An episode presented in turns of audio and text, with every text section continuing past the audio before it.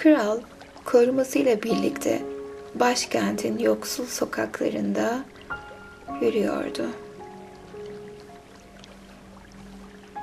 Ve ihtilafların başladığı, devrim hayallerinin kurulduğu yerlerin daima buralar olduğunu biliyordu. Bu yüzden yüzünü sık sık göstermeye çalışır ve yoldayken de dilencilere dağıtmak için yanında sepet sepet bozuk para götürüyordu. Turunu tam bitirmiş ve verecek tek bir bozukluğu kalmışken kral bir dervişe rast geldi. Adam bastonu yanında üstünde dervişlere özgü hırkasıyla caminin merdivenlerinde oturuyor. Elinde de bir dilenci kasesi tutuyordu. Bir grup insan oldukça sıra dışı bir biçimde ona para verecekmiş gibi önünde sıra olmuştu. Kral, şehir her türden dilenciyle dolurken neden insanların bir tek dilenciye para vermek için böylesine hevesli olduklarını merak etti. Ve bu gizemi çözme merakıyla sıranın başına doğru yürüyüp o günkü son bozuk parasını vermeye hazır halde dilencinin tam da önünde durdu. Ama kendisine bozuk para vermek üzere uzanan bir elle karşılaşınca şaşırıp kaldı kral. Derviş, müzik mavi gözleriyle bağışımı kabul ettiğiniz için teşekkürler majesteleri diyerek ona baktı. Adam meğer dilenmiyor, tuttuğu kasenin içindeki paraları armağan ediyormuş. Bir nevi tersine dilencilik. Kral önce bozuldu. Neden bir dilenciden para alması gereksin ki? Derviş ona bakıp gülümsedi. Kafanız karışmış gözüküyor majesteleri.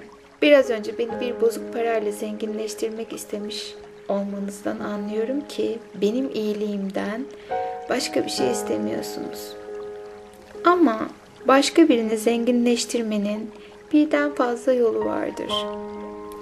Bana bozukluk verdiğinizde önünüzde gördüğünüz yoksa dilenciden öte bir şey olamam. Ama bağışımı kabul ederek beni şimdiye dek olmadığımdan daha da zengin kılacaksınız. Çünkü krala bağış yapacak kadar zengin olmuş olurum.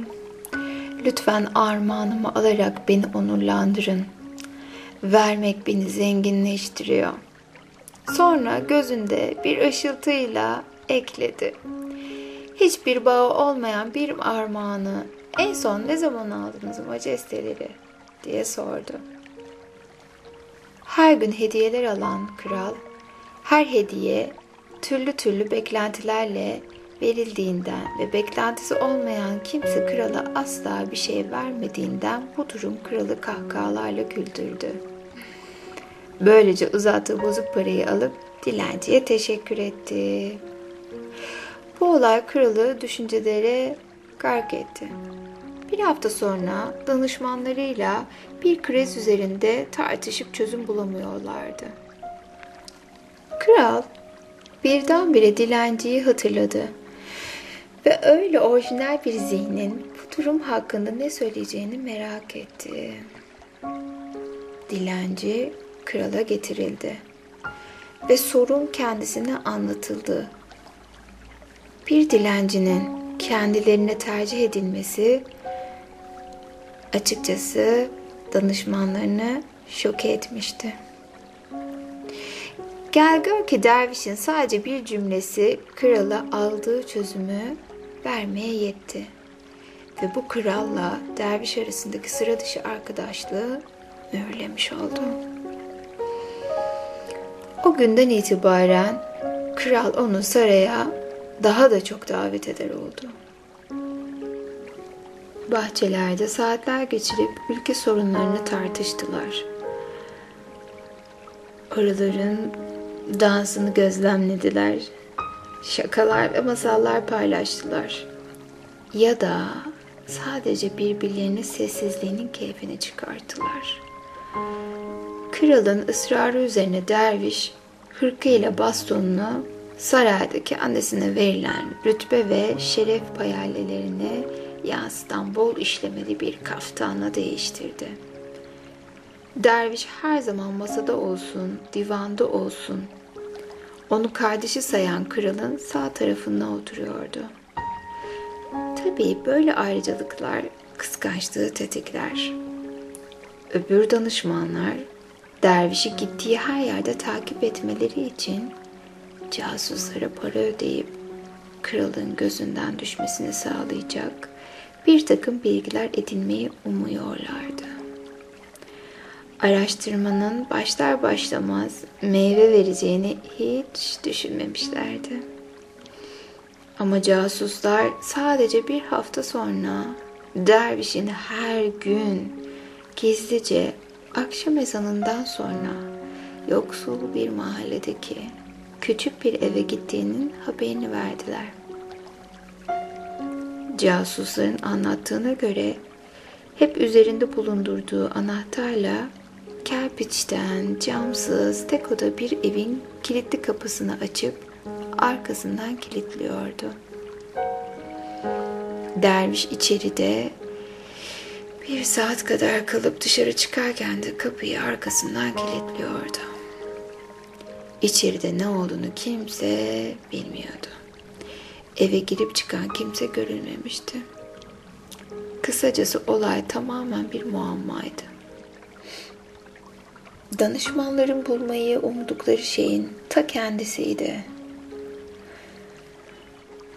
Çünkü kişi bir muammayı istediği gibi yorumlayabilir.